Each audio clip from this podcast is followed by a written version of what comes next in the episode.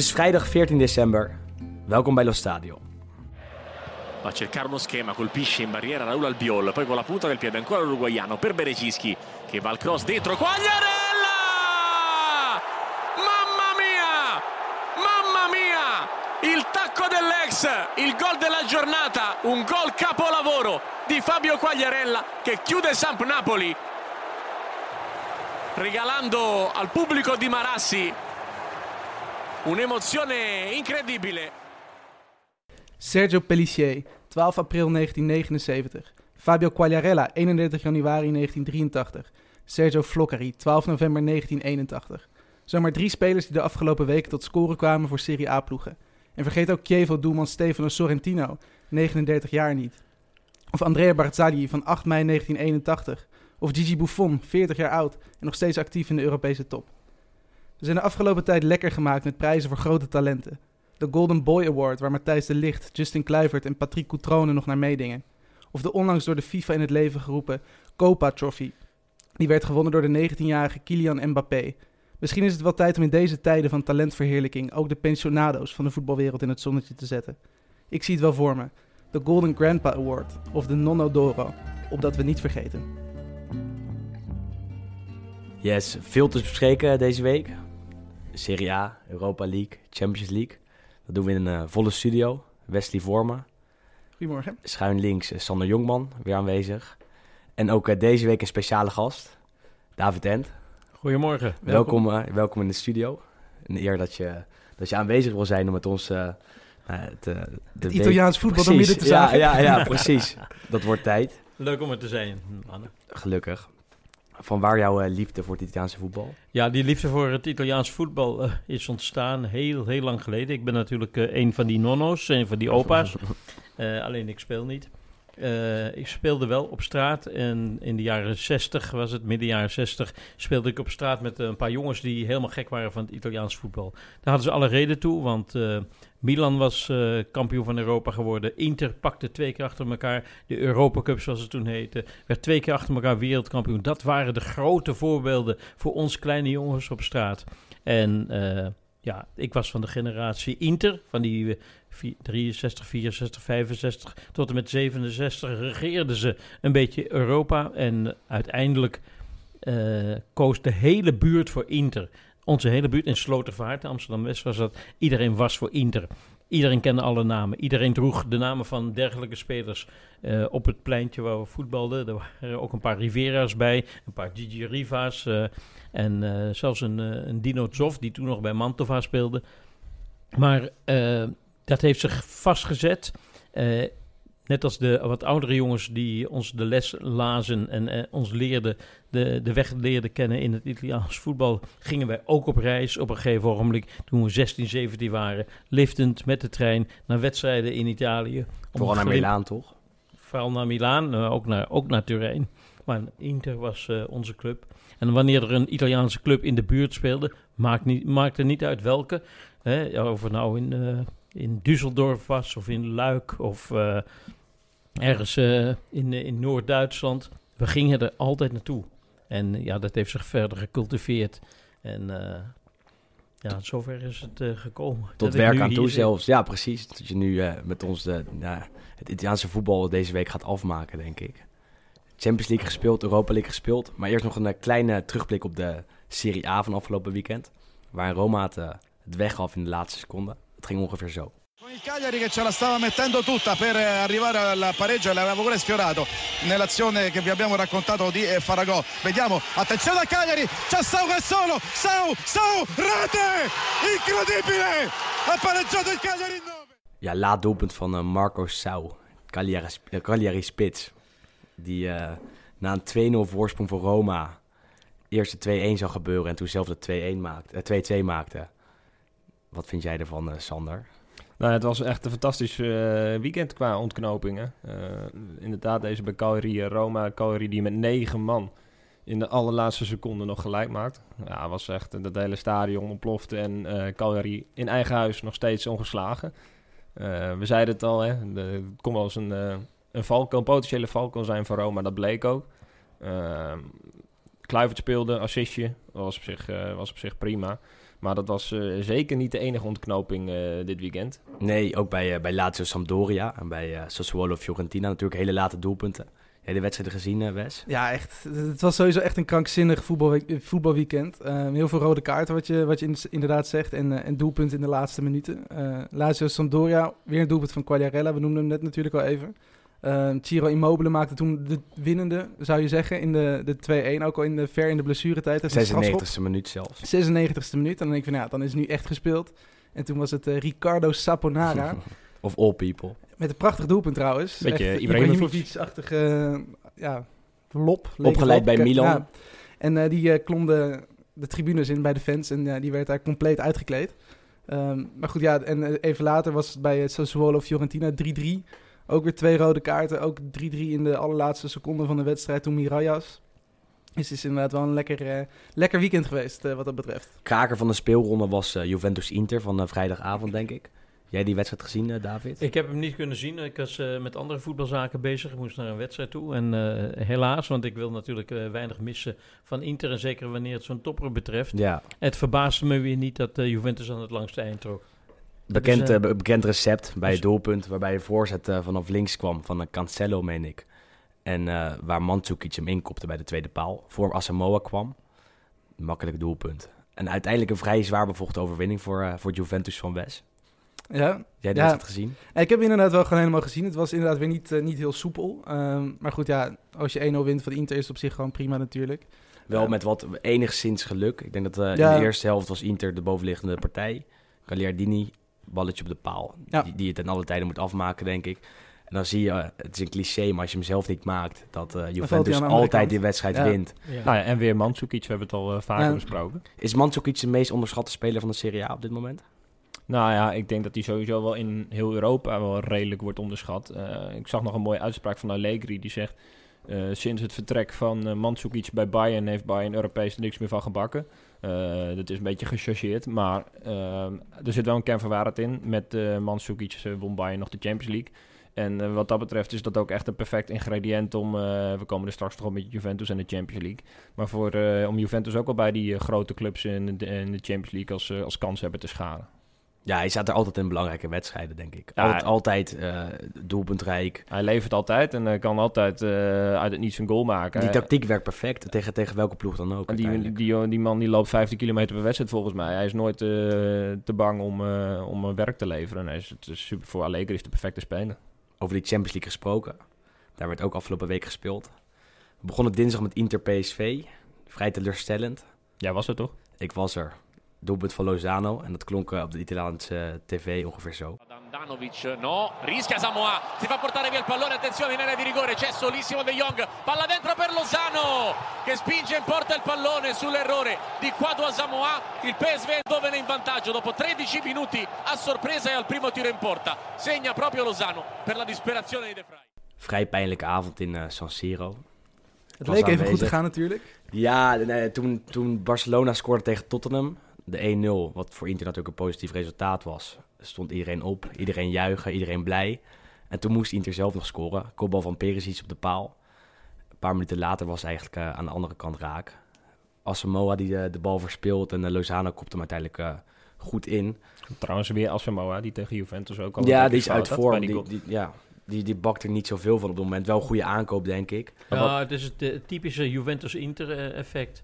Ik heb het heel vaak gezien in het verleden dat uh, wanneer een speler van Inter naar Juventus ging, dan bloeide die extra op. En wanneer een, een speler van Juventus naar Inter ging, dacht Inter dat, uh, dat ze goud in handen hadden. En dan bleek het heel, helemaal mis te gaan. Dat, er zijn talloze voorbeelden van.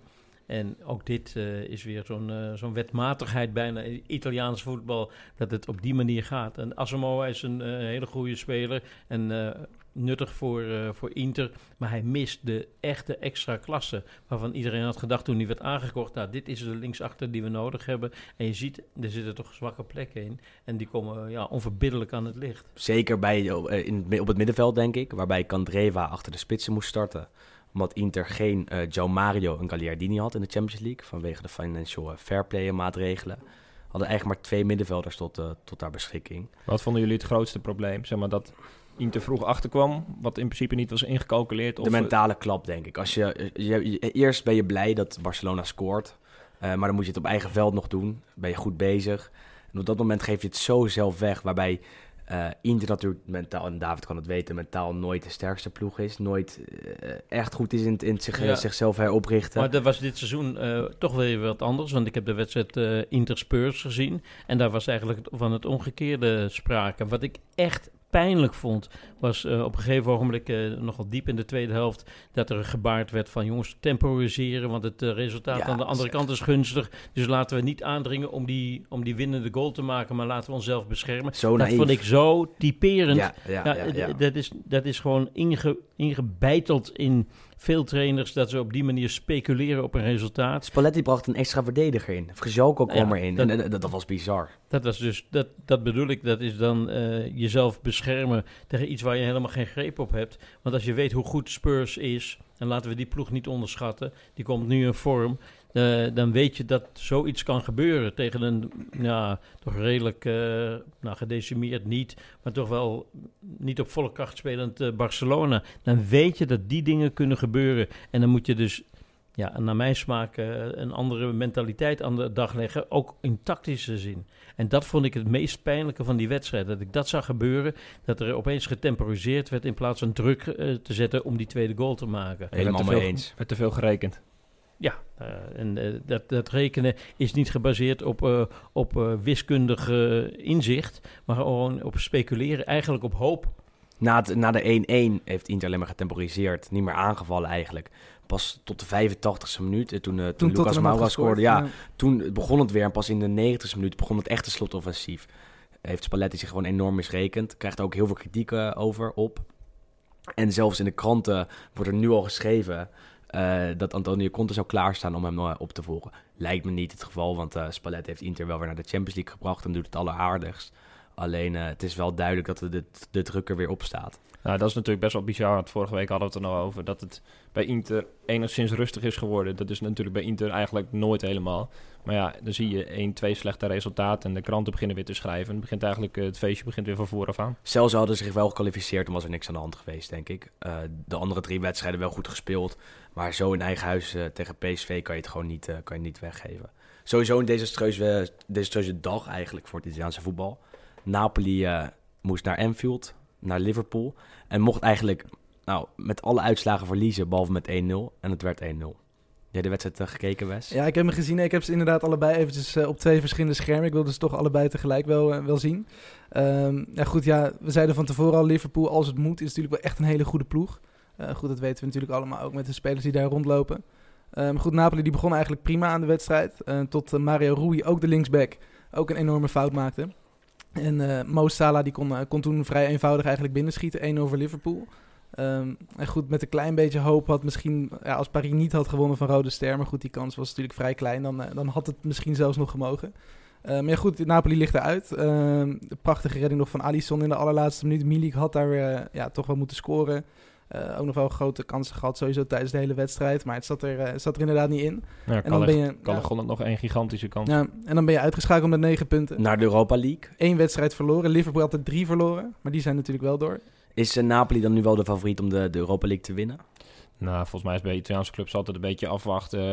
Kijk, als ze eenmaal in de kwartfinale, halve finale staan, dan zullen ze er wel vol voor gaan. Maar die, die, eh, die rondes daarvoor, dan, dan zullen ze toch eh, een beetje, een beetje gaan roleren. Eh zal toch de B-keus gaan spelen. En dan hou ik altijd een beetje mijn hart vast. Volgens mij, Italiaanse clubs nemen de Europa League pas serieus als ze echt ver komen. Dus zo zeker ben ik, daar, ben ik daar niet van. Dan geef ik eigenlijk ploegen als Shakhtar, die er echt vol voor gaan, meer kans eigenlijk. Op woensdag werd er ook niet gewonnen door de Italiaanse ploegen. Roma ging op bezoek bij Victoria Pilsen en ging met twee in de boot in. En die waren al door. Die waren al door, maar het is natuurlijk wel een, een uitslag waar je kan zien dat Roma niet draait en eh, het daar gewoon niet op orde is. En eh dan kunnen we deze week wel weer zeggen. Hoe lang duurt het voordat eh, Eusebio Di Francesco eruit vliegt? Wat denk jij, David? Nou, ik denk eh, dat het nog wel een, eh, een tijd gaat duren. Want eh, die Francesco en Monchi die, eh, zijn natuurlijk aan elkaar verbonden. En als eh, die eh, weggaan, hè, want dan zouden ze misschien allebei weggaan.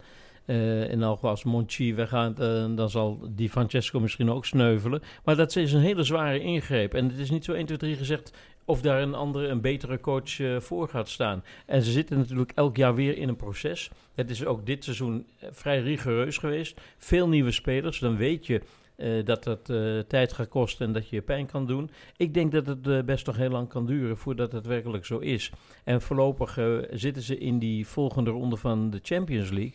En dat is uitermate belangrijk. Een Champions League waar ze vorig jaar natuurlijk een geschiedenis hebben opgebouwd. En ook daar naar kijkend denk ik eh, dat ze niet zo snel heel opportunistisch zullen zijn om meteen de coach die altijd met eh, de, de geslagen hond is, het, eh, het slachtoffer moet zijn, dat ze die gaan ontslaan. Ik hoop het ook niet, want ik heb die Francesco best hoog zitten.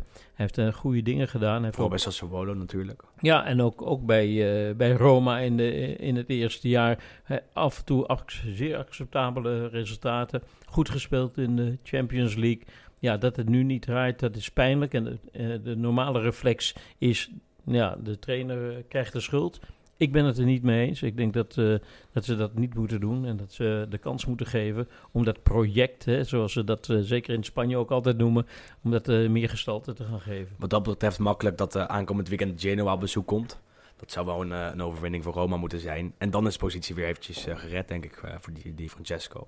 Nou, het is voor Roma te hopen dat ze eh, enigszins een gunstige loting hebben in de volgende ronde van de Champions League. Ik vrees, ik vrees voor Roma dat als zij de top 4 clubs treffen, dat het dan echt wel klaar is. Ja, Dat goed, is wel- mogelijke tegenstanders Roma. Ik heb ze even opgeschreven. Barcelona, Bayern München, Borussia Dortmund, Manchester City, Paris Saint-Germain en FC Porto. Dus dan Ja. is dat... Is op Porto, Ja. net zoals Ajax eigenlijk. En zelfs tegen Porto zou je, er, eh, zou je eruit kunnen, want ik denk dat dat elkaar eh, niet heel veel ontloopt. Eens. Eh, Roma had vorig jaar uit mijn hoofd best wel wat geluk met de loting, waardoor ze, en ze hebben het ook heel goed gedaan, hoor, waardoor ze ver kwamen. Eh, maar volgens mij als zij tegen eh, een van die grote clubs loten, dan denk ik dat ze gewoon kwaliteit tekort komen. Over eh, een van die grote clubs gesproken. Juventus speelde die avond ook, was al gekwalificeerd. Uiteindelijk eerst geworden in de pool met de Manchester United en Valencia. Wat heel knap is. Maar wel een nederlaag bij eh, Young Boys Bern. Ja, Woensdagavond. Twee keer Waro. ja het was... eh, Aardige het- spits. Het was helemaal niks. Nou ja, die eh Waro die kennen we inderdaad van eh, Paris Saint-Germain of van vroeger. Heeft hij een tijdje gespeeld. Eh, intussen sinds 2014 geloof ik bij Young Boys. Eh, goed, Juventus mocht daar op het, op het kunstgras spelen. Ik kan me niet eh, herinneren dat eh, Juventus dat heel vaak doet. Eh, laatste keer in de, op, op kunstgras, ja, ik, zag geen idee, ik heb geen idee waar dat, eh, waar dat geweest zou kunnen zijn. Misschien eh, in Italië. Ja, Bij eh, Novara. dat zou eventueel nog Die kennen we nog wel, David. Nee, maar goed, ja, Juventus was inderdaad, eh, was inderdaad door. Ehm, ja, het ging eigenlijk alleen maar om die eerste plek of de tweede plek. En dat hing natuurlijk ook een beetje samen met, het, eh, met de uitslag bij Valencia United. En ja, Valencia won daar, dus United verloor. Dus Juventus maakte eigenlijk niet uit wat het deed, want die stond al eerste. Niks aan de hand. En, en hoopt Juventus dan op Ajax in de volgende ronde? Nou ja, Juventus misschien wel. Ik, ik, ik zelf liever niet. Eh, goed, ik heb, Dubbele ze- keuze. Ik, ik heb beide ploegen wel redelijk hoog zitten. Dus eh, ja, ik, ik, ik zou het mooi vinden als die inderdaad- elkaar ontlopen... om, eh, om toch allebei eh, rondes verder te komen. Ik hoop stiekem op Juventus-Liverpool in de volgende ronde. Dat zou, eh, dat zou top zijn. Dat zou wel wat zijn. hè? Dat zou echt, zouden twee fantastische wedstrijden zijn, denk ik. Waarbij Juventus echt wel kans maakt om, om Liverpool uit te schakelen, denk ik. Maar je wordt wel bijna depressief van al deze resultaten. Ja, en, en over slechte resultaten gesproken. Dan komen we bij, eh, bij Milan aan van gisteravond. Ah, ja, toch. Ja, het spijt me, het spijt me, Sander. Op bezoek bij Olympiakos. Ja, Je mocht verliezen. zeker. Zelfs met 1-0. 2-0 eigenlijk al niet meer. Toen werd het nog 2-1. Maar vijf minuten voor tijd besluit, besluit de scheidsrechter om eh, een penalty te geven aan Olympiakos. Wordt het 3-1 en is Milan uitgeschakeld. Doet dat pijn? Ja, kijk, niet zozeer de uitschakeling in de Europa League als... eh, oh shit, dan is er een kans weg om de Europa League te winnen. Want daar heb ik nooit vanaf het begin in geloofd. Maar het feit dat je weer het lachertje bent van Europa, dat is natuurlijk het meest pijnlijk. Eh, ik heb er ook over nagedacht van, eh, waar zit het dan in? Ja, op één staat gewoon, ligt gewoon puur aan de kwaliteit van de selectie. De spelers zijn gewoon echt niet goed genoeg. Ehm, David zei net, spelers van Juventus die naar Inter gaan, dat is geen succes. Nou, spelers die van Juventus naar Milan gaan, dat is eigenlijk dezelfde vloek. Gonzalo Want ik heb vorig jaar Bonucci echt de gekste dingen zien doen. Gonzalo Higuain staat inmiddels vijf wedstrijden droog. En dan Eh, vergeet je Caldara nog, die eh, het Cal- hele seizoen nog geblesseerd is. Caldara, dat was eigenlijk beleid technisch een prima aankoop. Een jonge Italiaanse verdediger, nou, die eh, is zwaar geblesseerd, lag er drie, vier maanden uit. Um, Higuain heeft nu vijf wedstrijden niet gescoord. Afgelopen weekend tegen Torino werd een 0-0 overigens. Ehm, kans na kans gemist en ging alleen maar voor eigen, voor eigen kans. Uh, nou, deze wedstrijd ook echt niet goed. Dus de, gewoon de, buiten het feit dat de selectie niet goed genoeg is. De, ook pech met blessures natuurlijk. Heel veel pech met blessures. Er zijn drie centrale verdedigers geblesseerd. Maar dan kom je dus uit bij het duo Zapata-Abate. nou, dat, is, uh, ja, dat kan gewoon echt niet. Zapata die, die stond te schutteren bij de tweede goal van uh, Olympiakos. Zeker, die maakte dat een minuut later weer goed door progelijk een bal binnen te koppen. Abate die maakte een, ja, zeg de maar... oorzaak van die penalty. Die ja. veroorzaakt in ieder geval de strafschop. Vraag is of het een overtreding is. Maar dat wil ik allemaal niet aanhalen. Het is gewoon... Uh, Leonardo zei dat uh, ook nog, de technisch directeur. Die zei van de afgelopen ja, met de VAR was het anders gelopen. Zo. Ik vind het allemaal gelul. Maar als je ziet hoe Cassie uh, de bal verspeelt Ah, in de 90 minuut op het middenveld. Maar daar moet je naar kijken. zat er helemaal niks in bij Milan. Het was echt, echt een hele slechte wedstrijd van, van Milan kant. Ja, waarbij het zelf 100% weggeeft. En daarom, dat vond ik wel echt klasse aan Gattuso na afloop. Die zei gewoon, weet je, we kunnen van alles de schuld geven. Blessures, dat, dat het publiek tegen ons is. Uh, scheidsrechtelijke beslissingen. Maar uiteindelijk hebben we gewoon zelf alle fouten gemaakt. En dat is compleet juist. De eerste helft was er nog niks aan de hand. Milan had echt wel een paar goede kansen met Ciao Noklo en Castillejo. Alleen zat totaal geen overtuiging in. En uh, ja, tweede helft, bij de eerste de beste tegenslag, de 1-0, dan gaan ze gewoon echt de gekste dingen doen. Dan weet je echt niet wat je ziet. Ballen over twee meter die, die ergens naartoe gaan. Over mentale kracht gesproken, het is daar ook natuurlijk nee, het is, helemaal het is niet zo, goed. Het is super wankel. En ja, als je dan moet vertrouwen op Zapata, Abate, dan weet je gewoon, dit gaat niet goed. Ook uh, die baalde. Want het enige mooie aan de uitschakeling in de Champions League was... en de, de, de kwalificatie voor de Europa League dus... was een mogelijke derby in de kwartfinale. Is Milan weg. Ja, nee, natuurlijk, dat is doodzonde. En uh, kijk, wat ik al zei, ik had echt niet verwacht dat Milan uh, eventjes richting Baku zou gaan om, om die beker op te halen. Dat helemaal niet. Maar het is gewoon, als je in een pool met Dudelange, Olympiakos en Betis wordt uitgeschakeld, ja, typerende kan bijna niet. Um, en ik denk, kijk, laten we dan nog enigszins positief bekijken. Is nu kan de volledige focus op, uh, op de competitie. Uh, in dat opzicht zitten die extra wedstrijden alleen maar in de weg. En dat heeft, dat heeft Inter en Lazio hebben dan nog wel concurrenten. Vierde plek is voor het grijpen. Ja, dat wel. Alleen als je de wedstrijd van gisteren ziet, dan uh, spreekt er ook heel weinig vertrouwen uit. Dan zijn Atalanta en Lazio en misschien zelfs Roma een stukje sterker en completer dan, uh, dan dit Milan, denk ik. Ja, dat brengt je wel weer aan het twijfelen. En ik, ik las ook op Twitter weer mensen van... ja, er moet echt iets aan het beleid worden gedaan en zo. Maar ik vind dat dat een makkelijke roepen, het beleid. Uh... Dat is ook pech met die blessures en met, met dat het, het financieel gewoon niet verschil kan. als je daar Moussakio en uh, Romagnoli achterin ja, hebt staan... exact. dan Sabat, Sabat dat is, en, uh, en Abad. En precies, ja. dat is wel iets anders. We, we, richten ons nu heel erg op, op, op de singuliere dingen de, de, die op zichzelf staan... Maar bij Milan zie je natuurlijk in de afgelopen jaren dat er uh, enorme erosie is ontstaan. Ook in in de trots waarmee er gespeeld wordt, lijkt mij. Weet je, het is net alsof Milan uh, een soort underdog is. Terwijl Milan moet, moet Milan zijn, moet een grote club zijn. Die uitstraling die wordt steeds weer ondermijnd. En dat is niet een kwestie van alleen dit seizoen. Dat is ook de afgelopen seizoenen steeds uh, aan de orde. En elke keer denken ze in de zomer weer een kampioenen binnengehaald hebben. Maar dat, dat blijken eigenlijk geen echte kampioenen, geen kampioenen te zijn in, de, in, dat, in dat team. Dus uh, als je het over beleid hebt, ook hier weer. Hè, Leonardo is er nu bij, Maldini uh, een beetje een rechterhand die kan steunen. Dat heeft enige tijd nodig om identiteit van die club weer terug te krijgen. Als ik Milan af en toe zie spelen, dan, dan doen mijn ogen pijn. Ik heb ze aan het begin van de uh, Europese campagne gezien tegen du Dudelange. Dat was niet om aan te zien. 0-1, ja. Ja, weet je, in een wedstrijd waarvan je denkt, die kan je nog gelijk spelen. Ook tegen die uh, halve amateurs uit Luxemburg. maar daar kwam het ook maar, uiteindelijk op neer natuurlijk. Want als je daar vaker tegen had gescoord, want je vliegt er nu uit op doelsaldo natuurlijk ja, ook ja, nog. Dus, dus het, is niet, het is niet afhankelijk van die, uh, die scheidsrechter die wel of niet die goal toekent of invloed heeft. Het zit veel dieper en dat doet pijn. Ook voor een uh, interist als ik doet dat pijn om een club zo te zien lijden eigenlijk. En ik denk dat ze in de competitie dezelfde problemen gaan krijgen. Want er in Italië is geen enkele wedstrijd makkelijk. En daar zullen ze best uh, moeite mee hebben om Ja. die vierde plaats te halen. En daar, daar slaat de David natuurlijk de spijker op zijn kop. Want identiteit, dat is het grote probleem. En spelers die die identiteit eh, waarborgen, een Coutrone, dat, daar wordt zelfs aan getwijfeld eh, met Higuain wie nou moet spelen. Volgens mij moet je gewoon Coutrone er vijf jaar neerzetten. En daar zijn waar supporters zich mee kunnen identificeren. Die gozer die werkt echt eh, alles, eh, die doet alles voor, voor, de, voor de club. Want hij is echt trots om voor Milan te spelen. Locatelli was dat, en die hebben ze dan weer verkocht. Eh Donnarumma eh, is dat. Alleen daar hebben ze zoveel ruzie mee gemaakt dat hij door de supporters eigenlijk ook niet meer wordt getrokken. Ja, dat is natuurlijk wel het grootste probleem van, eh, van, van alles. Dat de spelers die wel eh, die identiteit in zich hebben, daar wordt vervolgens ruzie mee gemaakt. Dinsdag op bezoek bij Bologna. Ja. Ook lastig genoeg, denk ik. Terwijl Bologna ook helemaal niet draait. Kom je Ja. weer iemand tegen met de identiteit wel van Milan, Ja. en Filippo Inzaghi. Maar ja, dat, en dat stoort mij ook zo gigantisch aan.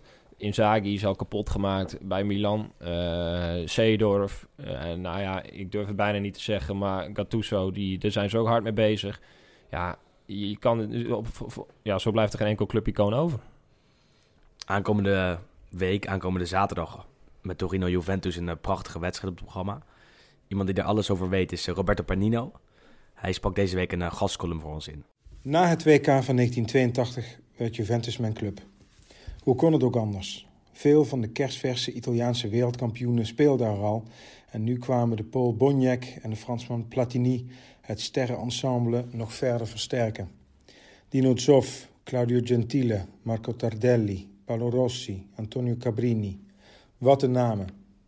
Juventus stond symbool voor Turijn, voor het beste voetbal ter wereld. Dat er nog een tweede club in Turijn speelde was mij bekend, maar daarmee was ook alles gezegd. Michel van der Kooput en Willem Kieft hadden er gespeeld, maar tot grootste daden leek de club nooit te komen. Totdat Torino in 1992 de UEFA Cup finale nipt van Ajax verloor. Walter Casagrande, de Belgische Italiaan Enzo Schifo, Rafael Martin Vasquez en het talent Gianluigi Lentini. Stuk voor stuk geweldige spelers. En wat hadden ze een pech in het Olympisch Stadion, door maar liefst driemaal het houtwerk te treffen. Het bleef 0-0. De cup bleef in Amsterdam achter en Torino verdween weer in de anonimiteit.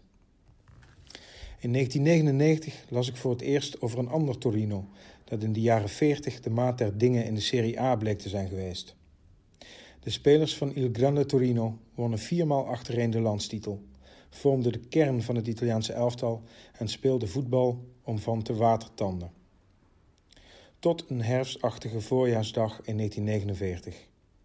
De heuvel van Superga werd hun laatste rustplaats toen het vliegtuig waarmee het team terugkeerde van een vriendschappelijke wedstrijd tegen Benfica te pletter sloeg. Hier moest ik meer van weten. Alles waarop ik mijn hand kon leggen, verslond ik. De namen van de spelers klonken steeds bekender in mijn oren. Aanvaller Guglielmo Gabetto, doelman Valerio Bacigalupo en kapitaan Valentino Mazzola. Die laatste, vader van de latere Interster Sandro en zijn broertje Ferruccio, wordt nog steeds gezien als een van de grootste Italiaanse voetballers aller tijden. Een geweldenaar, een totaalvoetballer avant la lettre. Kon alles en deed alles. Stond zelfs een keer op doel. Hij was het die zijn team naar grote hoogte stuurde. De Granata werden ze genoemd, naar hun mooie bloedrode shirt. Het superteam vond op 4 mei 1949 de dood. Daarmee was het ook met de suprematie van de Granata voorgoed gedaan en werd Juventus de onbetwiste heerser van Turijn. Desalniettemin bleven veel Torinesi hun Toro trouw. Zoals de stad ook anno 2018 nog steeds meer Torino-supporters dan Juve-aanhangers lijkt te herbergen. Er wordt wel gezegd dat Juventus overal in Italië de meeste aanhangers heeft, behalve in de eigen stad. Vraag het maar aan de gemiddelde taxichauffeur, barman of ober. Torino-supporters leiden een bestaan vol tegenslagen. Maar ze piekeren er niet over om van kamp te wisselen. Meglio morire da Granata che vivere da Bianconero. Na zeven achtereenvolgende scudetti heeft de gehate oude dame ook nog eens Cristiano Ronaldo, CR7, ingelijfd. Voor Juventus staat nu alles in het teken van de gedroomde Champions League winst. De laatste was tegen Ajax in 1996, een eeuwigheid geleden. Het landskampioenschap lijkt ook dit jaar weer een formaliteit te worden. Niemand lijkt bij machten de zwart-witte voetbalmachine te stoppen. Toch zijn er twee wedstrijden die niets met de ranglijst of met de krachtsverschillen te maken hebben.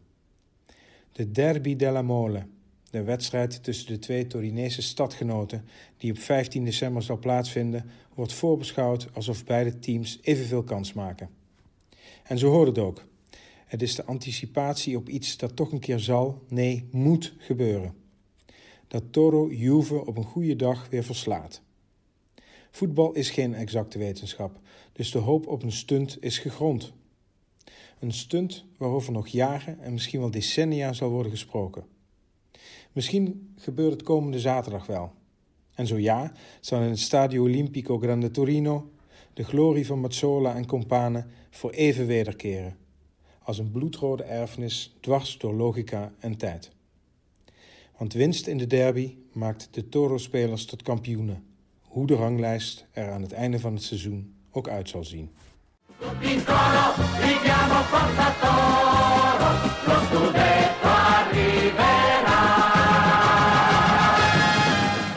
Ja, de derby tussen Torino en Juventus staat aankomende zaterdagavond om uh, half negen op het programma.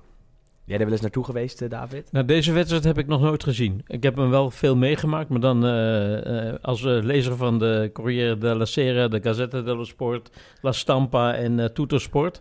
Ik heb natuurlijk op televisie veel gezien, maar dat is een van de ontbrekende elementen op mijn, op mijn lijstje. Ik zou er wel graag naartoe willen. Ik ben natuurlijk wel vaak in Turijn geweest en ik weet ik heb ook gevoetbald daar op pleintjes met jongens waarvan de ene voor Torino was en de ander voor Juventus. Dat is een ongelofelijke sfeer die daar is. En het mooie is van die derby, net als in Milaan, weet je, dat uh, ze, ze haten elkaar toch niet heel echt. Weet je, het is niet, niet een, een hele diepe haat. Concurrentie, het is uh, rivaliteit. Maar zoals die jongens uh, toen met elkaar op het oratorio uh, voetbalden met elkaar en elkaar uh, ja, een beetje dolden met, uh, met de resultaten van de club. Dat is ook iets moois. Ook iets moois van zo'n zo'n derby van de, van de mole, van, die, van dat grote gebouw. Dat is het ja. symbool van de, van de stad. Het artefact waar de derby is verbonden. Maar ik heb, ik heb natuurlijk zeker in de midden van de jaren zeventig... heb ik de tweestrijd tussen Juventus en Torino gevolgd. Dat was uh, fascinerend. Met uh, Torino uh, één keer als winnaar in 76. Met een geweldige ploeg. Pulici, Graziani, Zaccarelli zaten erbij.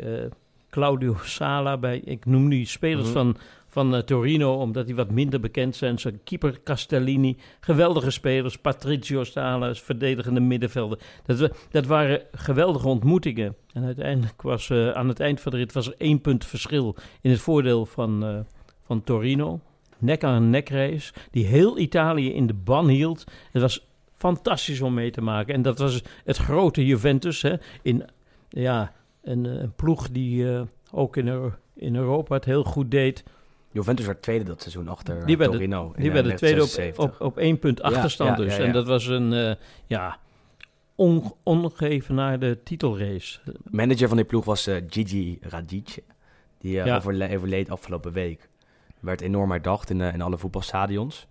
Jij hebt uh, nog fanatiek meegemaakt. Ja, natuurlijk. Ja. Uh, Radice was een, een, grootheid, zeker bij, uh, bij Torino, waar hij enorme resultaten bereikte en een geweldige groepsdynamiek op gang bracht. Hij wordt genoemd als de eerste Hollandse tussen aanhalingstekens trainer, omdat hij speelde met pressing, een beetje het Nederlands elftal van 74 voor ogen had in zijn manier van voetballen.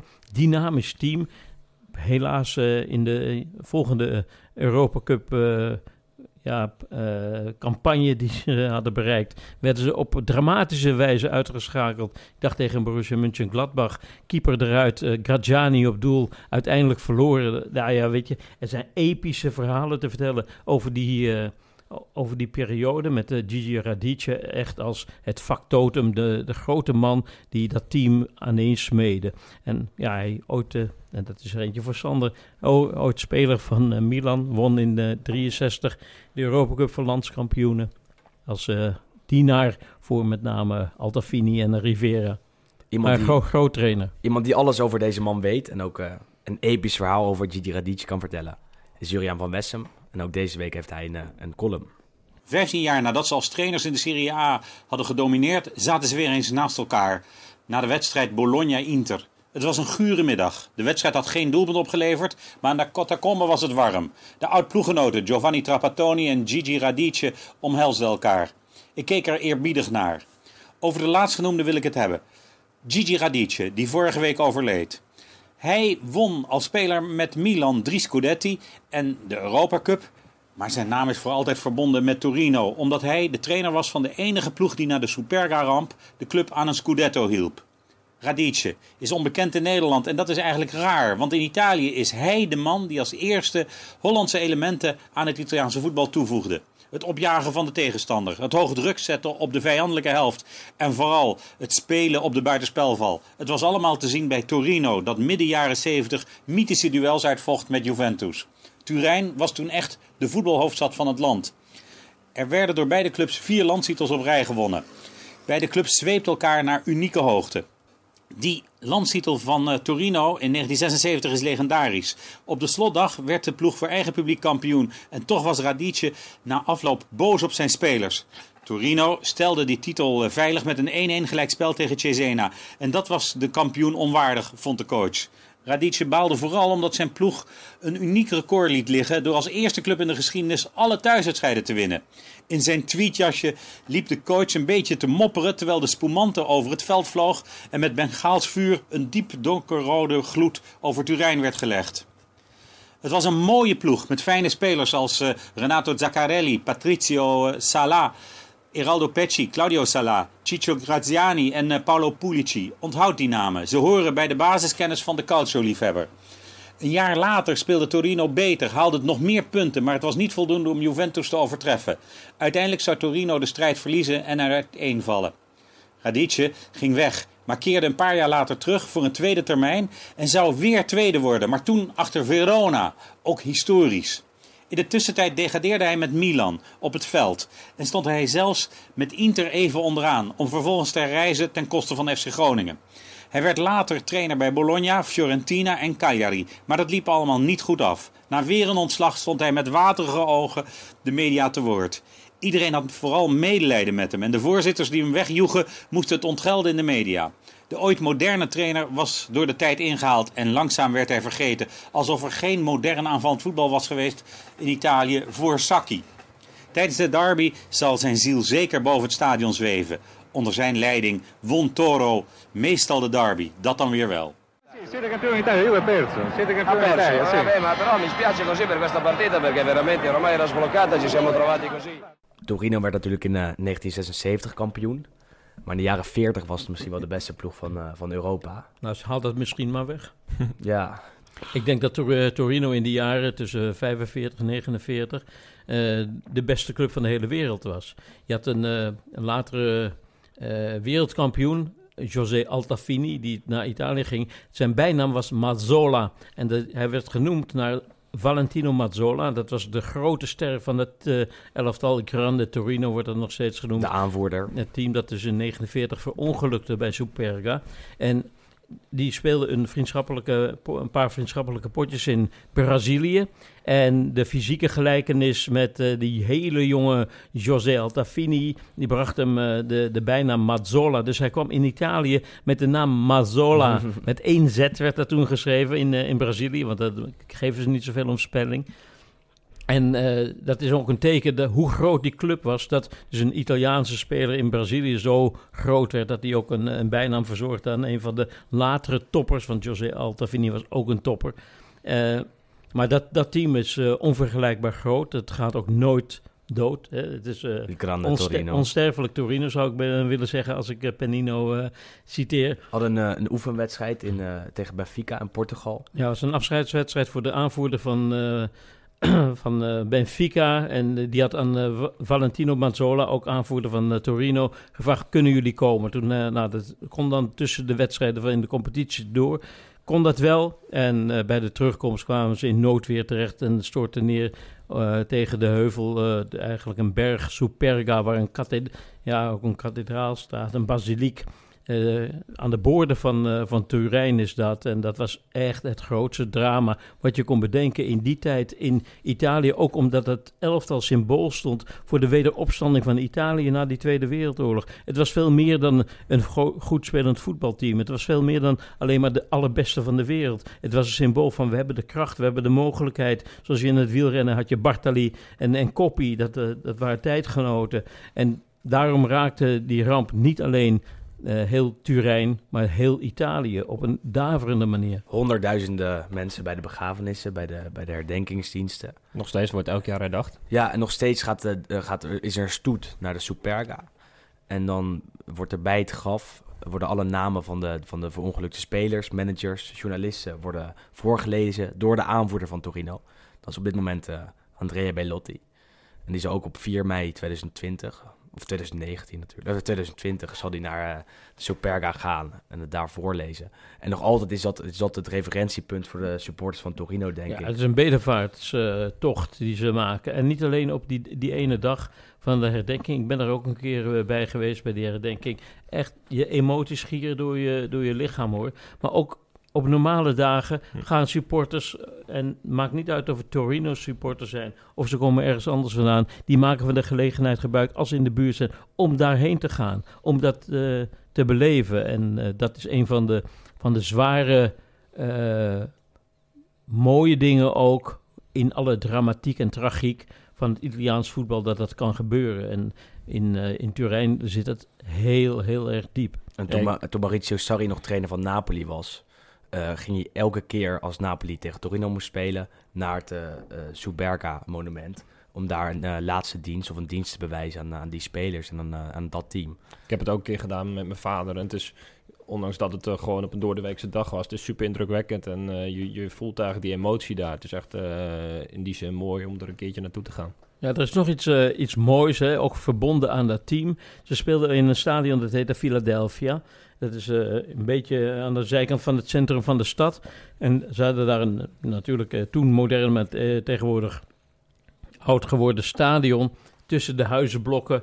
En dat daar was een geweldige sfeer, kon daar ontstaan met dat Grande Torino. Daar heeft de huidige voorzitter, Cairo, heeft een nieuw stadion gebouwd. Met elementen van dat oude stadion zitten daar nog in. Er zitten tribunedelen in, hekwerk van, van die tijd. Ik ben daar geweest toen Ajax uh, de finale van de UEFA Cup speelde in 92. Nou ja, de, ik was uh, een paar weken eerder al in, uh, in Turijn om uh, dat een beetje te gaan bekijken. En je weet, ik ben een beetje romanticus. Ik ben snel geraakt door dergelijke emotionele dingen. En ik liep daar rond en dat stadion was nog helemaal vervallen.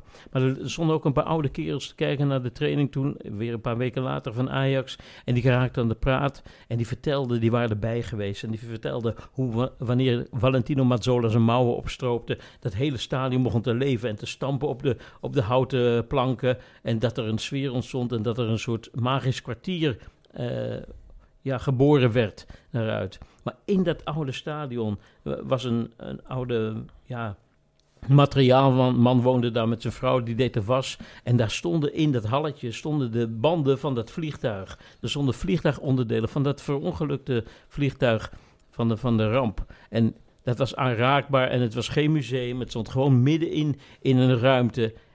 Nou, echt, ik heb, ik heb tranen gelaten daar. Jaren later, twintig jaar later, na de, na de Superga-ramp, was er nog één speler bij Torino... die misschien wel in de buurt komt van Mazzola. Dat was Gigi Meroni. En ook hij verongelukte uh, vrij tragisch. Ook, ook, dramatisch, ja. Via Umberto Due was dat. Hij uh, stak over, ze hadden een wedstrijd gespeeld... Uh, samen met een, uh, een elftal genoot. Ik dacht dat Poletti was. Staken ze de straat over...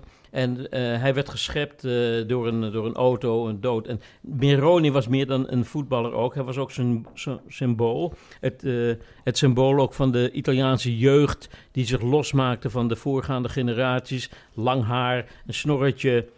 Een beetje vrij buiten. Een, een beetje, Beatle. beetje rebel. Hij ja. werd ook, de, ja, hij werd ook de, de, een Beatle genoemd. Dat was dan in Italië al heel wat om, uh, om dat te zijn.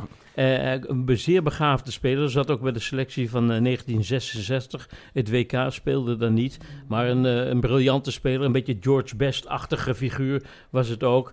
Uh, met hele aparte ideeën over het leven. Maar hij werd ook een van de grote sterren van het Italiaanse voetbal. En hij was de, een van de lievelingen natuurlijk van het publiek van Torino. En uh, op het moment dat Juventus interesse in hem kreeg, uh, ontstond er zelfs uh, een staking. Want veel van de fabrieksarbeiders bij Fiat waren voor Torino. En die zeiden, dit nooit, dit nooit. Meroni kan niet naar Juventus Ze hebben gestaakt. En uiteindelijk is die, is die verkoop niet doorgegaan. Nou ja, tot het tragische ongeval. Waar natuurlijk ook iedereen in Turijn uh, aan refereert. En de wedstrijd na zijn dood was uh, Torino-Juventus, waarbij het uh, Torino-publiek de hele wedstrijd zijn namen scandeerde. GG, GG, GG. Torino won die wedstrijd met, met 4-0. Dat is wel een van de, van de meest eh, historische derbies aller tijden, denk ik. Ja, daar komen er aparte krachten los. En dat werkt wederzijds, weet je. Aan de ene kant heb je natuurlijk de stimulans bij de spelers van Torino. Aan de andere kant het respect. En ook de, een beetje een eh, neergeslagenheid bij, eh, bij, bij Juventus. Want het respect voor de speler Meroni, dat, dat eh, was enorm groot. Is er anno 2018 een speler bij, eh, bij Torino die misschien wel die grootheid zou, eh, zou kunnen gaan benaderen, eh, Wes? Ja, je, je hebt toch wel gewoon een paar spelers die daar natuurlijk al een hele lange tijd zitten. Eh Belotti is natuurlijk wel een van de, ja, nu aanvoerder natuurlijk. Eh, speelt er intussen ook al volgens mij een jaar of, eh, jaar of vijf, zes. Dat is natuurlijk wel echt een van de, ja, op dit moment misschien wel de grote karakters in die, in die selectie. Een Als je aan- leider. ja, als je aan Torino denkt, denk je toch denk ik als eerste aan, aan Belotti.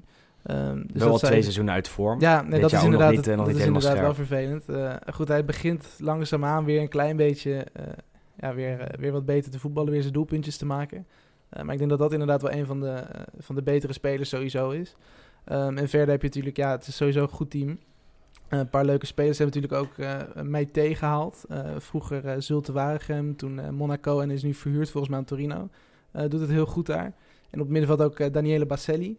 Eh, dat is ook een, eh, ook een leuke speler. Dat is een van, eh, van jouw favoriete. toch Ja, dat is een van mijn favorieten, omdat het een speler is waarvan ik denk, en ik denk dan toch ook een beetje in de Ajax-richting, dat is zo'n speler die het bij Ajax eh, sneller zou maken dan bijvoorbeeld in Italië. Hij is eh, niet, fysiek niet al te sterk, maar hij heeft wel de goede techniek en de grote dynamiek van spelen. Een eh, jongen die ook doelpunten kan maken. Dat, eh, hij heeft de opleiding gevolgd bij Atalanta, en dat is ook een club die eh, na aan mijn hart ligt. Zeker. Daarom let ik extra op eh, Daniele Baselli. En ik ben benieuwd of hij, of hij dat kan waarmaken. Wel een vaste kracht op dat middenveld. Natuurlijk met Rincon als eh, anker daar eh, in, het, eh, in het centrum. Die Venezolaan die het eh, ook steeds eh, beter gaat doen, vind ik eigenlijk. Als, eh, ook als, nou mooi woord, hè, karakter in dat, in dat elftal. Nou, uh, Silvestri heb je een aardige verdediging. Een driemansverdediging normaal. En, eh, en een goede keeper, Sirigu. Eh, ik denk wel dat eh, Torino de potentie heeft om, om hoger te staan dan ze nu doen. En het opvallende is dat ze thuis minder presteren dan uit. Nou, ik vind dat wel mooi wat je zegt, David. Van, eh, volgens mij is dat namelijk de kracht van dit Torino... dat er een gigantisch goede mix is tussen eh, inderdaad creatieve spelers. eh, nou, met Bellotti over het algemeen een afmaker... al is die misschien de laatste tijd wat minder in vorm. Maar over die driemansverdediging... jij noemde net op het middenveld dan MEIT... eh Rincon, dat, is- nou, dat is pure power eigenlijk. Maar dan hebben ze achterin ook nog Nkulu en Gigi. Nou, dat is Ja. een Cameroener en een Ivoriaan. Nou, dat is, dat is alleen maar pure kracht. Eh, en doet me eigenlijk een beetje denken aan, aan Koulibaly qua, qua spel. Eh, allebei verleden in, eh, in Frankrijk. Ook al wel regel, echt veel wedstrijden gespeeld. Dus ja, die mix is eigenlijk best wel goed eh, bij Torino. En afgelopen weekend tegen, tegen Milan. Ja, die Milan heeft maar één kans gehad in de hele wedstrijd. Torino had moeten winnen, want een eh, fantastische redding van eh, twee zelfs Ja. van eh, Donnarumma. Ja, zeker. Dus eh, dat is echt wel, eh, echt wel een leuk elftal. Eh, met name door die mix, eh, wat je zei. Ja, maar we vergeten nog een, eh, nog een speler die ik ook heel goed vind, hè? Thiago Valke. We hebben hem even genoemd. Maar het is opvallend dat hij tegenwoordig samen met Be- Be- Belotti speelt hij samen in de spits. Maar hij speelt er natuurlijk iets schuin achter. En Belotti is echt het speerpunten. En dan weet je of hij nou scoort of niet. Hij is een man die, die een ploeg op sleeptouw kan nemen. Die altijd actief is, altijd gevaar sticht. Daar kunnen anderen van profiteren. En op, met het spelen van, van Valke komt Zaza dus weer niet aan spelen toe. Dat is ook opmerkelijk, want Zaza is international. Grote En- aankoop geweest en- afgelopen ja, zomer. En komt toch eh, minder aan bod dan, eh dan Valke. Dus ik denk dat hij daarmee toch eh, het evenwicht in die aanval wil hebben. Met Valke als een ja, technisch briljante speler natuurlijk. Ook met het oog voor die steekpaas. Terwijl Zaza meer een, eh, een type Belotti is. En je noemde ook Sirigu, die heeft nu al vijf clean sheets. Alleen Juventus en Inter meer. Dus dat zegt natuurlijk wel veel over eh, dat het ja, bij Torino eh verdedigen dan wel goed staat. En ook al tien uitwedstrijden op rij ongeslagen intussen. Dat is de beste reeks sinds 76, 77. Dus dat is natuurlijk ook alweer... eh, Houdt in dat Mazzari het, het, het helemaal op orde heeft, het goed voor elkaar heeft. En dat we hem misschien nog wel een beetje onderschatten. Door zijn periode bij, bij Inter en bij Watford, waar hij natuurlijk enigszins is mislukt. Af en toe loopt de bloeddruk een beetje op. maar- Ja, bij Samp en bij Napoli natuurlijk wel fantastisch gedaan als, eh, als trainer. Altijd wijzend naar het horloge. Werd tegen, tegen Milan weer weggestuurd. Ja, ik werd gek van die man hoor, toen die trainer van Inter ja, ik ook hoor. Dat, eh, met de driemansverdediging en zoveel stress en nooit rust uitstralend. Maar hij heeft natuurlijk wel een, een, een team wat altijd wel eh, een bepaalde identiteit heeft waar we het over hebben gehad. Het is bij- bijna altijd 3-5-2 en de spelers zijn ook wel grotendeels hetzelfde. En dat is natuurlijk eh, nog heel eventjes een, een zijstap naar Milan. Dat is natuurlijk wel het verschil. Eh, die hebben al 3-5-2 gespeeld, hebben al 4-3 gespeeld, spelen nu 4-4-2, dan weer met 4-4-1-1. Ja, dat, daar wordt geen enkel team beter van. Voorspelling voor aankomende zaterdag, eh, Sander? Ja, ik denk toch dat Juventus wint, omdat gewoon het kwaliteitsverschil te groot is. En dat, ja, dat is heel makkelijk, maar zo- is het denk ik wel. Ehm eh, laatste keer was in 2015 dat de Torino van, eh, van Ja, Juventus... Doelpunten eh, van eh, Bellotti en... eh Nee, Darmian, en Quagliarella. Ja, Quagliarella inderdaad. Ja, ja, ja, precies. En dat was nog met, eh, met Ventura als, eh, als trainer Exact. van... eh, van Toen hij nog wel een goede trainer was. Toen hij nog Zo een redelijk goede reputatie had. Ja. Jouw, Maar- jouw voorspelling, Wes? Ja, de laatste acht van de tien uitduels eh die Juventus daar speelde, die werden allemaal gewonnen. Ehm, dus ik denk, ja, het zal niet heel, heel moeilijk worden. Het zal misschien niet zo soepel gaan. Het zal geen 0-3, 0-4, 0-5 worden. Maar ik denk wel dat, eh, dat Juventus toch wel vrij eenvoudig daar, eh, daar weet te winnen. Torino staat wel zesde, dat moeten we niet vergeten. Jouw voorspelling, David? Ja, weet je, eh, het is een vastgegeven dat elke derby ontsnapt aan welke logica dan ook. En je zou denken, Juventus moet dat winnen, want Torino speelt thuis. Thuis de min- mindere resultaten dan uit. Misschien Juventus-Torino dat Torino kan winnen. Ehm, ik denk toch dat er een verrassing in zit. Ik denk dat er, en ik vind gelijkspel al een verrassing. Ik denk, denk dat die, die twee ploegen gelijk spelen tegen elkaar. En ik heb nog wel één vraag voor David. Misschien Ja. eh, ga ik nu volledig tegen het draaiboek in, maar Nee, dat nee, maakt niet nee, zoveel geen, uit. geen zorg, geen zorg. Ehm, want je vertelde net over die pleintjes eh, in Turijn. Hoe zeg maar die rivaliteit tussen Torino en Juventus? Ja, eh, in, het, eh, in de jaren dat ik er was, zeg maar, dat was eh, jaren zeventig, eh, was ik daar een beetje aan het voetballen. Ehm, toen was het echt duidelijk dat Torino de grote sympathie had eh, in, in Turijn. Eh, misschien omdat Superga nog wat dichterbij lag ook. Eh, het is, was meer de volk van de arbeiders. En, maar nu zijn die verschillen die zijn een beetje veranderd. Weet je? Het is, voetbal is niet meer een echte volkssport. Het is van alles en iedereen. En de, de fans van Juventus zijn ver uit. Ook in Turijn in de meerderheid. Boven die van eh, Torino. En dat wordt nog wel eens anders geschetst. Hè, alsof de, ja, de echte Torinees voor eh, Torino zou zijn. Dat is al lang niet meer zo. En, en Torino heeft ook te lang in de schaduw gezeten. Serie B gespeeld. Weet je, dat, dat, Failliet gegaan dan, zelfs. dan kalft het af. En natuurlijk, de winnaar krijgt de meeste, eh, bij nieuwe generaties ook de meeste aanhang. En dat is zo. En het zal moeilijk zijn voor Torino om dat eh, ooit nog eh, in te halen. Zeker met Cristiano Ronaldo bij, bij Juventus natuurlijk. Ja, dat zijn van die iconen die dan worden binnengehaald. En dat, dat toont twee dingen. Hè, en dat kan ook tegen je werken. Het toont aan dat je veel geld hebt. Dat je veel te besteden hebt. En de sympathie ligt ook wel vaak bij de, die underdog die het met minder moet doen. Eh, dus ik vind Ronaldo op zich is, is wel aardig. Hè, maar het hoeft niet bepalend te zijn voor de sfeer in die stad. Maar eh, Juventus heeft zoveel gewonnen in de afgelopen tijd. En Torino heeft zo weinig gewonnen. En de laatste echte ja, topper was natuurlijk 92 toen ze in de finale speelden tegen Ajax. En, eh, Enorm veel pech hadden natuurlijk. Ik ga voor een eh, 1-1 aankomende zaterdag. Ook een stuntje voor Torino. Maar ja, Willem heeft vaak gelijk. Ja, dus- ja, ja, tot nu eh, toe drie keer op rij, dus we gaan het zien. Allora, Livorno-Crotone 10, Bari-Modena 11. Tesoro, è 1-0, 1-1. Scusi. Livorno-Crotone 1-0, Bari-Modena 1-1. Niet alleen Torino-Juventus eh, aankomend weekend. Er staan eh, meer wedstrijden op het programma. Welke ga jij kijken, Wes?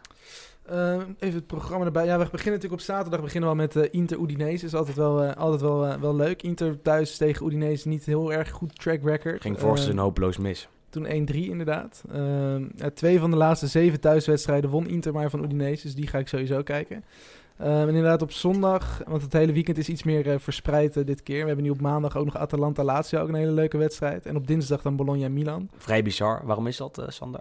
Nou ja, de hoofdreden was eigenlijk vanwege de laatste Europa League-wedstrijd eh, van Milan. Dat is dus ook nu definitief de laatste Europa League-wedstrijd. Maar daarom was het zo ver verspreid. Ja, dat had ook wat mij betreft ook prima op maandagavond gekund. Dan had ik er nog heen gekund ook, maar Mhm. eh, nu helaas niet. Ehm, en ja, het is dus op dinsdag, maar het is vanwege de Europa League. Maandagavond wel de echte kraker naast eh, Torino-Juventus, denk ik. Atalanta-Lazio, twee ploegen die in de strijd uh, om de Champions League plekken nog vol meedoen, om plek 4. Wat verwacht jij daar, David? Nou ja, mijn verwachting is niet zo hoog, is minder hoog dan de hoop.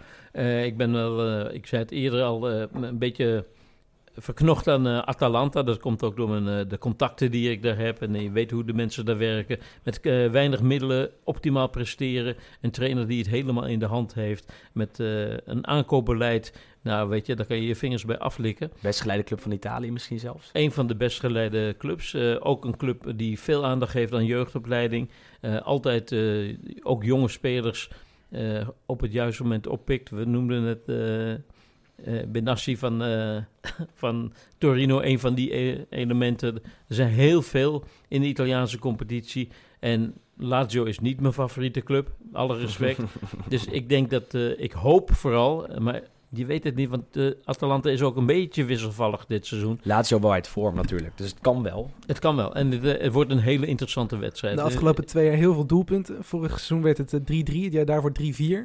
Dus uh, met een beetje geluk uh, kunnen we weer uh, zes, zeven streepjes zetten. En we hebben Zapata aan de praat gekregen. Ja, dus ja, ja, in minimaal net Onze verdiensten. Onze verdiensten. ja, hij heeft ja, de stadion geluisterd en hij denkt nu, ik moet aan de bak. Hopelijk gaat hij volgende week ook luisteren.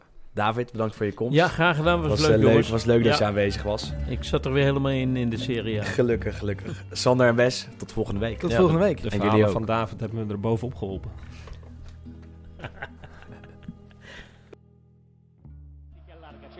Spazio per Turam, prova ad accelerare, palla al piede, va per il cross. E c'è il gol del pareggio della Juventus, un gol di Maresca che poi va a mimare le corna del toro a mo' di scherno. Ed è il gol di un pazzesco 2 a 2 signori benvenuti al derby della Mole abbiamo detto sempre troppo spazio a Turam quando le dà prima poi il cross lo mette bene, l'ha messo bene, ha staccato alla grande, grande frustata, qui non c'è arrivato Bucci, questo è un bel gol. Poi il gesto che ha fatto dopo la panchina del Torino mi è piaciuto poco.